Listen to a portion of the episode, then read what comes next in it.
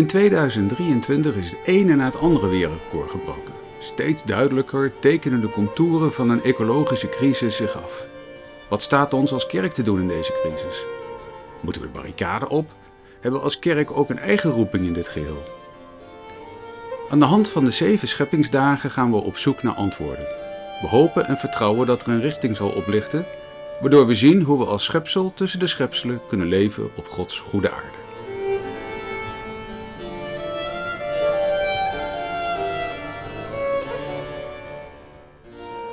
Dit is de tweede scheppingsdag. Thema is orde en chaos.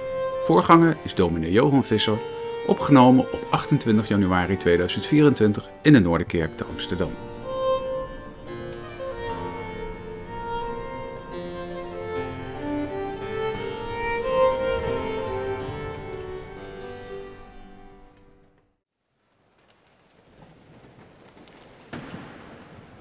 Vanavond de tweede verdiepingsdienst over de zeven scheppingsdagen. De tweede dag over het hemelgewelf. We lezen drie, twee gedeelten uit de Bijbel, ja eigenlijk drie, maar het derde zingen we. Dat is Psalm 148, hoort er ook helemaal bij. Dus het is een, een drieslag. We lezen eerst uit Genesis 1, die paar versen over de tweede scheppingsdag.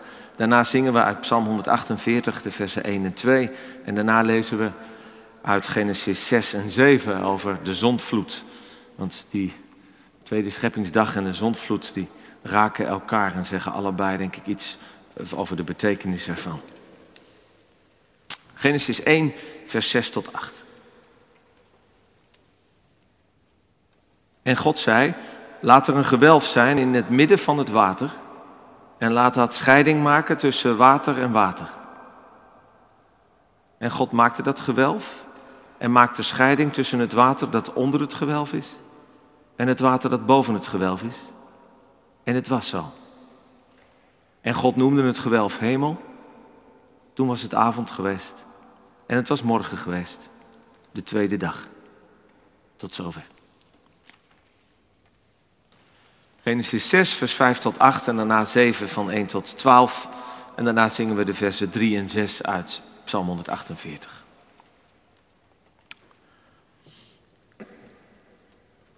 En de Heere zag dat de slechtheid van de mens op de aarde groot was. En dat al de gedachtenspinsels van zijn hart elke dag alleen maar slecht waren. Toen kreeg de Heer er berouw over dat hij de mens op de aarde gemaakt had. En het bedroefde hem in zijn hart. En de Heere zei, ik zal de mens die ik geschapen heb van de aardbodem verdelgen, van de mens tot het vee, tot de kruipende dieren en tot de vogels in de lucht toe. Want ik heb er berouw over dat ik hen gemaakt heb. Maar Noach vond genade in de ogen van de Heer. En dan volgt de opdracht om de ark te bouwen. En dan uh, lezen we verder in 7 vers 1. Daarna zei de Heer tegen Noach, ga in de ark, u en heel uw gezin. Want ik heb gezien dat u te midden van uw tijdsgenoten voor mijn aangezicht rechtvaardig bent. U moet voor uzelf van alle reine dieren zeven paar nemen, een mannetje en zijn vrouwtje. Waarvan de dieren die niet rein zijn één paar, een mannetje en zijn vrouwtje. Ook van de vogels in de lucht zeven paar, mannelijk en vrouwelijk. Om de soort op heel de aarde in leven te houden. Want over nog zeven dagen zal ik het op aarde veertig dagen en veertig nachten laten regenen. En ik zal al wat bestaat wat ik gemaakt heb van de aardbodem verdelgen. En Noach deed overeenkomstig alles wat de Heer hem geboden had. Noach was 600 jaar oud toen de watervloed over de aarde kwam. Toen ging Noach met zijn zonen, zijn vrouw en de vrouwen van zijn zonen met hem in de ark vanwege het water van de vloed. Van de reine dieren, van de dieren die niet rein waren, van de vogels en van alles wat over de aardbodem kruipt, kwamen er twee aan twee naar Noach in de ark, mannelijk en vrouwelijk, zoals God aan Noach had geboden. En het gebeurde na die zeven dagen dat het water van de vloed over de aarde kwam. In het 600ste levensjaar van Noach, in de tweede maand, op de zeventiende dag van de maand. Op de dag zijn alle bronnen van de grote watervloed opengebarsten en de sluizen van de hemel opengezet. En er was regen op aarde, veertig dagen en veertig nachten. Zalig ben je als je het woord van God hoort en het bewaart. Gemeente van Jezus Christus. De aarde wordt wel de blauwe planeet genoemd.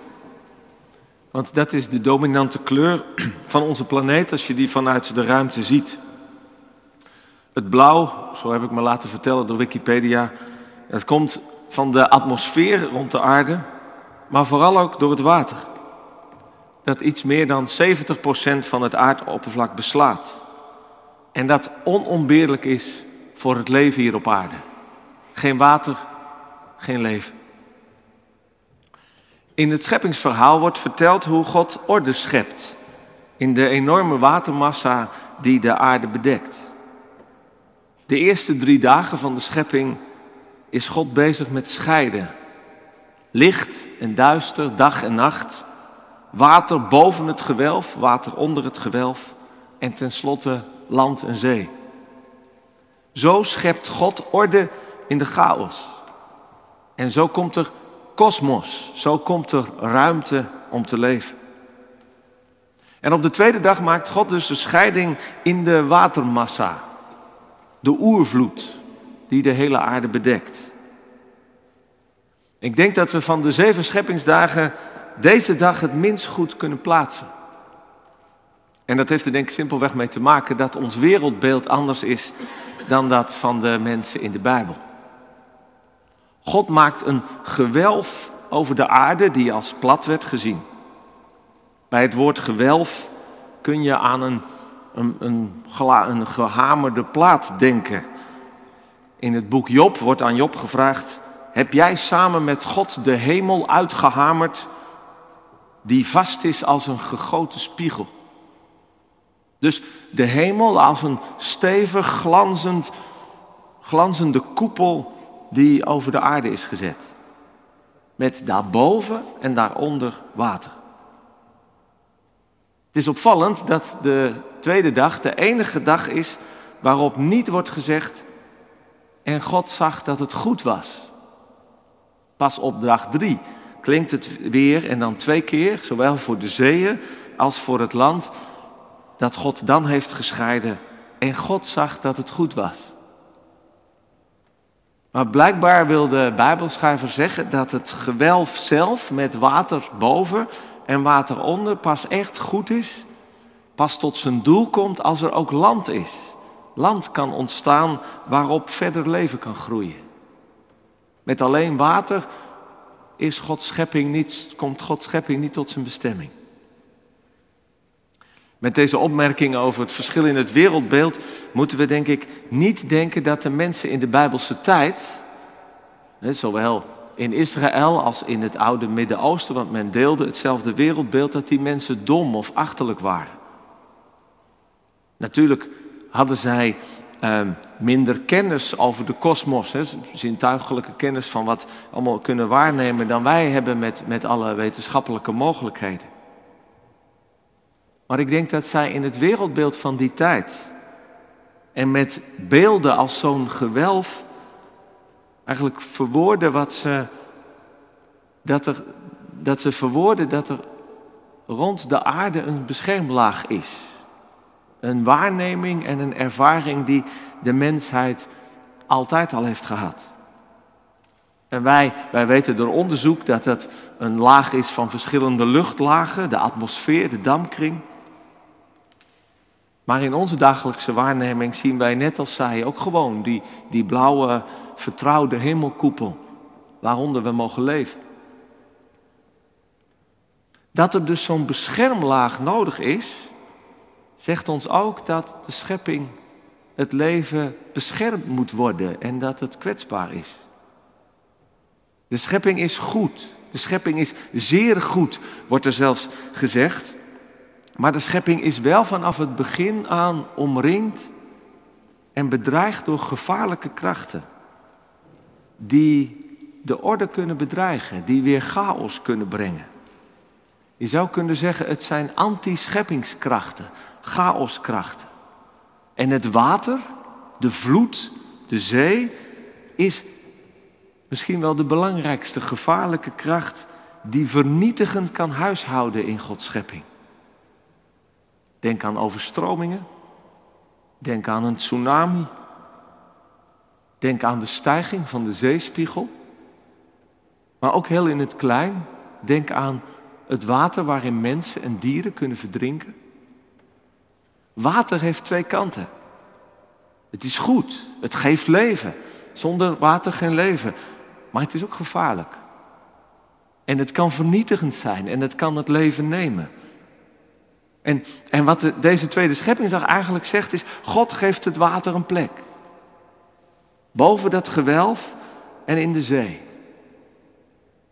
Maar het blijft daar wel bedreigend aanwezig. Wij denken, denk ik, bij de goede schepping nog te veel aan een soort van speeltuin waar alles zo is gemaakt dat je je nooit kan bezeren en waar je alleen maar veilig en fijn en leuk kan spelen. Weet je, die tegenwoordige speeltuinen met al dat rubber en zo. Ik zag onlangs de film Barbie. Ik heb dochters die mij daartoe aan hadden gezet. Eh, en waarom weet ik ook ongeveer wel. En, en, voor wie de film niet heeft gezien, het is, het is een film waarin de poppen leven in Barbieland. Waar alles perfect en vrolijk en kleurig is. En ik vond het wel een aardige parodie op het wijdverbreide verlangen naar een, ja, een idyllisch pretpark bestaan. Of een cruiseleven. Wat ons een beetje wordt voorgehouden dat dat nou het, het echte gelukkige leven is. Waar je veel geld voor moet uitgeven om ook naartoe te gaan. Een leven zonder pijn, zonder angst, zonder moeite, zonder gebrek, zonder gevaar. Maar zo blijkt uit die film ook heel vervelend en heel saai. En heel oppervlakkig en plastic. Wij leven, zegt de Bijbel, niet in Barbiland. Maar we leven in een broos bestaan. Goed, maar kwetsbaar. Mooi, maar gevaarlijk. Betrouwbaar, maar bedreigd. En ik denk dat je in het scheppingsverhaal hoor je nog de echo's van het wereldbeeld en de mythes van het oude Midden-Oosten, uit, uit Babylon en, uh, en, en andere culturen rondom, waarin de schepping werd voorgesteld als een, als een heftige en soms eeuwige strijd tussen een schepper, God en andere goden. Nou, dat het dat soort machten zijn, dat er een strijd is, dat ontkent, dat ontkent de Bijbel niet. Alleen het scheppingsverhaal vanuit de Bijbel zegt iets anders. God is niet aan het strijden met allerlei machten die bijna even sterk zijn als hem, maar God maakt, maakt scheiding. En daar heeft hij twee dagen voor nodig. Dus het is ook voor God wel serieus werk. Scheiding om ruimte te maken voor een goede schepping. Waarin wij mensen kunnen leven. Waarin wij, maar waarin wij dus ook te maken hebben met bedreigende krachten. En waarin wij ook kunnen kiezen voor krachten die, die tegen God ingaan. En die dan ook veel meer ruimte krijgen dan God ze, dan God ze heeft gegeven. Anti-schepping, anti-mens, anti-godkracht. En dat zie je in het verhaal van de zondvloed ook zo, zo goed. Waarin, waarin ook de, opeens dat gewelf open wordt gezet. En die vernietigende kracht van het water over de aarde, over de schepping komt. En daar is het Gods oordeel over het kwaad dat, dat in de mens is. Het geweld waarmee de mens de aarde vult. En dan, dan houdt God het water boven en het water beneden niet meer tegen. En is het bijna afgelopen. En natuurlijk wordt zo'n beeld van de schepping roept, roept vragen op. Dat begrijp ik ook wel. In Barbieland is het zo leuk dat je geen vragen hoeft te stellen. En als je vragen gaat stellen, dan, is, dan, uh, dan, dan moet je er heel snel uit weg. En een Barbie-geloof, als ik dat zo mag noemen, dat kan denk ik ook niet zo goed omgaan met zulke soort vragen. Maar in Gods schepping moet je dat wel, denk ik. Ontkom je er niet aan om die vragen te stellen. Wat, wat zijn die gevaarlijke krachten eigenlijk? En waarom blijven ze zo aan de rand van Gods goede schepping aanwezig? En waarom heeft God het niet in één keer perfect gemaakt? Maar ons mensen de vrijheid gegeven dat we blijkbaar tegen Hem kunnen kiezen. En zodat die machten ook weer zoveel ruimte kunnen krijgen. Op die waarom-vragen krijgen we uiteindelijk, denk ik, maar één antwoord. Namelijk, zo is ons bestaan. Dit is wat God heeft geschapen. En je kunt zoals Ivan Karamazov, de atheïstische broer in het boek van Dostoevsky, kun je tegen God zeggen, nou als het bestaan er zo uitziet, als uw schepping zo in elkaar steekt, dan geef ik mijn kaartje terug. Dan hoef ik niet naar deze voorstelling te gaan. En je kunt God aanklagen, zoals heel velen in de moderne tijd dat hebben gedaan en nog doen.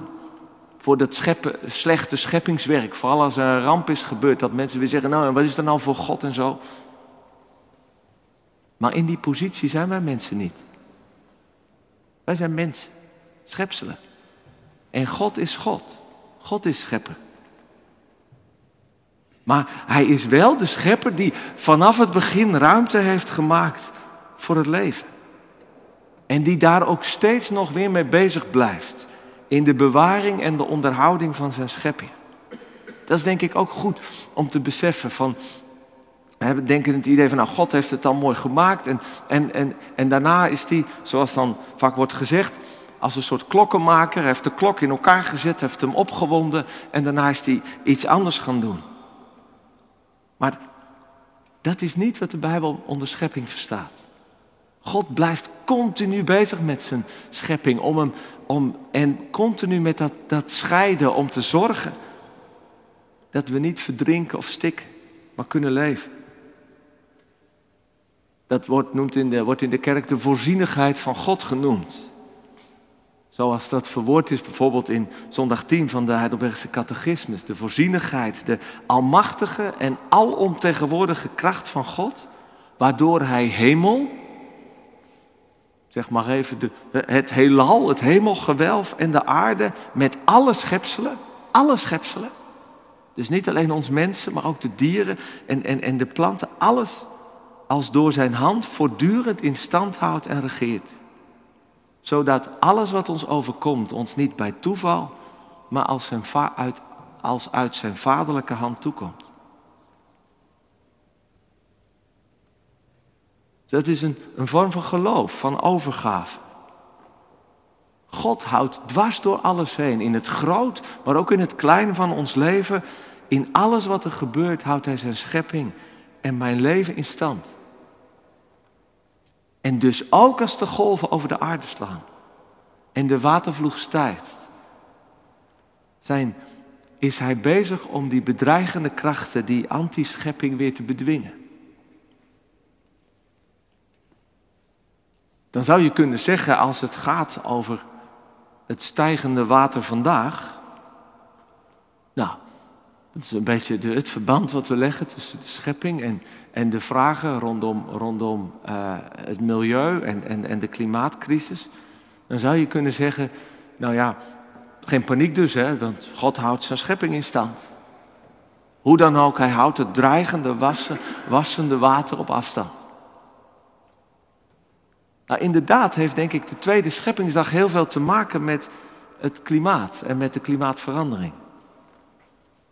Je moet eraan denken, denk ik, door de stijgende zeespiegel. Maar zeker ook als je denkt aan de gevolgen van de klimaatverandering, van de opwarming van de aarde voor, voor, voor het weer en het, en het klimaat. Want het weer, dat is nu juist wat zich afspeelt onder het hemelgewelf, in de, in de atmosfeer rond de aarde. En de orde die God heeft geschapen en die wij kenden, die staat onder druk. Dat merken we allerwege. Er is meer chaos. De krachten van het bedreigende water, maar ook bijvoorbeeld van de hitte, zijn veel groter en veel heftiger. En ik denk daarin worden iets van die, die anti-scheppingskrachten worden daarin merkbaar. Simpelweg dat het leven moeilijker wordt, vernietigender. En ik denk dat juist het geloof dat God altijd bezig is om die krachten te beteugelen, dat vraagt van ons mensen dat we, en dan moeten we eigenlijk nog naar dag zes, dus we moeten nog even, even wachten, met onze plek in de schepping, wij die als van God een plek van, van verantwoordelijkheid hebben gekregen, onze taak in de schepping, vanuit die plek moeten we denk ik eerlijk kijken wat er aan de hand is. En hoe wij betrokken moeten en kunnen zijn in die strijd van God tegen tegen de antischepping, tegen wat het leven bedreigt. Eerlijk kijken wat er aan de hand is. Iemand stuurde mij een liedje. Tot ziens in de dagen van Noach. Het is van de redelijk recent begonnen Nederlandse singer-songwriter J.M. Bakkes. Zijn teksten verraden hem dat hij gelovig is of uit een gelovig milieu komt. En hij verwoordt in het liedje tot ziens in de dagen van Noach nogal cynisch. Legt hij de verbinding tussen de zondvloed en de klimaatcrisis. En het einde gaat zo. Tot ziens in de dagen van Noach. Tot ziens bij de brekende dijk. Want het water komt straks voor de armen en geen van ons allen is rijk. Tot ziens in de dagen van Noach. Misschien had u anders gehoopt. Maar hoop doet leven. En leven is iets dat geen van uw goden verkoopt. Want leven is iets wat geen van uw goden verkoopt. de ecologische crisis van onze tijd is denk ik vooral een geestelijke crisis. En alle grote stemmen uit, uit de, de wereldkerk die daarover spreken, zeggen dat ook. Het is een geestelijke crisis. Van de mens die andere goden dient. Goden van hebzucht, van hoogmoed. Van Barbie, als we het toch over Barbie hebben. Barbie met haar goddelijke lichaam, haar onbeperkte garderobe en haar leven vol met spullen. Maar het zijn goden die geen leven geven. Maar het zijn goden die uiteindelijk de antikrachten en de dood over de schepping afroepen. Als een onontkoombaar gevolg.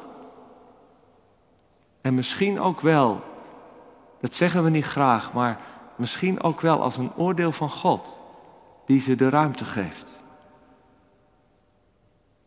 En het geloof dus in God de Schepper, die in zijn voorzienigheid de wereld in stand houdt, zou ik dus ook niet willen zien als een soort van reddingsboei, waar je je dan maar aan, aan vast kan klampen terwijl alles naar de verdoemenis gaat.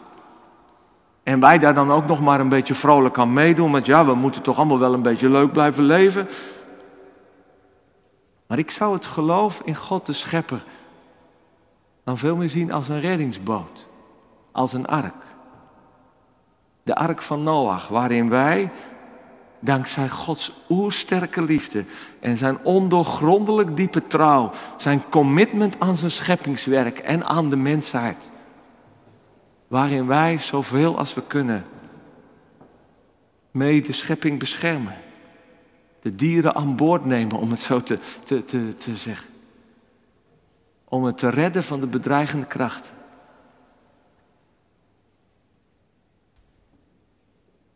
En dat mogen we doen met hoop. Want dat zit uiteindelijk ook. We hebben niet het hele verhaal van de zondvloed gelezen, maar uiteindelijk eindigt het natuurlijk met, met, met, met hoop. Met ook een God die zegt dat het oordeel niet het laatste is en dat op deze manier hij niet met zijn schepping meer wil omgaan. We mogen uiteindelijk die reddingsboot ingaan, die reddingsboot gebruiken in hoop op de krachten van orde en herstel die God zelf in de schepping heeft gelegd. De schepping kan veel aan en kan ook weer herstellen. En ook hoop op bekering. Op omkeer van mensen, van onszelf, van onze cultuur. Dat we ons bekeren van de goden van onze tijd die geen leven geven. Naar de schepper van alle leven. En hoop ook op rechtvaardigen zoals Noach. Die reddingsboten bouwen. En voor alles hoop op God. Op wie we vertrouwen als de schepper van hemel en aarde. Die een schild heeft gemaakt tegen de bedreigende watermassa's. En die gekomen is onder ons. Om ons te laten zien dat Hij echt van deze wereld houdt. Deze kosmos houdt. En zijn zoon heeft gegeven als een ark. Opdat we niet verloren gaan, maar eeuwig zullen leven. En ondertussen blijft het schild over ons uitgespannen. als hemel. Dat is ook nog een mooi detail in het, in, op die tweede dag. God noemde het gewelf hemel. Eigenlijk staat het in het meervoud. Hemelen. Ja, omdat de hemel zo enorm uitgebreid is. En die hemelen, die zijn meer dan alleen maar een, een schild dat de aarde bescherming biedt. We zongen het met Psalm 19. De hemelen vertellen Gods eer. Het gewelf verkondigt het werk van zijn handen. De hemel. En alles wat daarbij hoort. De wolken. Het, het, het water boven de, de, de, de hemel. De diepe wateren. En de zeemonsters aan de andere kant. Het weer, de storm, de hagel, de sneeuw, de bliksem. Ze zingen mee in het loflied op Gods grootheid. En op Gods scheppingskracht. Zo zongen we dat met die Psalm 148. En ik weet niet hoe jullie dat vonden met dat je het zong, maar het is echt een heftig, geducht lied. Want de zee die buldert. En de storm raast. En de wolken die storten water uit. En het is volgens mij in de psalm niet bedoeld dat het alleen maar hele vredige buitjes zijn of, of, of, of, een storm. Nee, het is een echte, echte storm. Het is dat, dat, dat water met die immense kracht. dat ons kwetsbare, broze mensen kan beangstigen en bedreigen. Maar voor God, voor de schepper van alles wat bestaat, zingen ze van zijn grootheid en van zijn eeuwige kracht. En wij, wij zingen voorzichtig, met ingehouden adem, adem en misschien ook wel een beetje met angst om ons hart mee omdat we geloven dat God al die immense krachten een orde heeft gegeven. En ze in zijn hand houdt. Om het leven te bewaren en te verlossen. En ik denk als we zo het loflied op de schepper blijven zingen. En beseffen dat we dat doen samen met alles wat leeft en bestaat. Dan zullen we ook, dat hoop ik zo, dan zullen we ook vervuld worden met eerbied. Met respect voor God en voor zijn kostbare goede schepping. Eerbied die ons helpt, denk ik, ook om los te raken van een respectloze en onverschillige en gemakzuchtige manier van leven. Waarin wij eigenlijk als een soort van kleine godjes om wie alles draait, de schepping mogen gebruiken uh, voor ons eigen plezier en, en nut. En als een vuilnisbelt voor het afval dat al het gebruiken oplevert.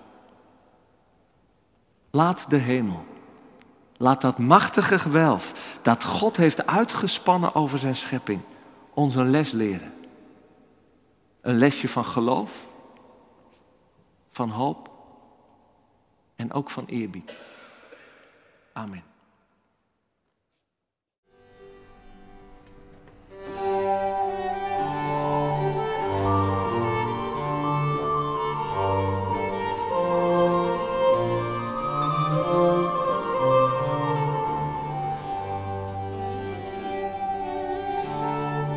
U luisterde naar een podcast van de Noorderkerk in de serie over crisis en overvloed. Mijn naam is Michiel Dumont. De muziek is een oud-Nederlands lied, Merk toch hoe sterk. Het werd gespeeld door het artistiek collectief tijdens het avondconcert voor het 400-jarig bestaan van de Noorderkerk.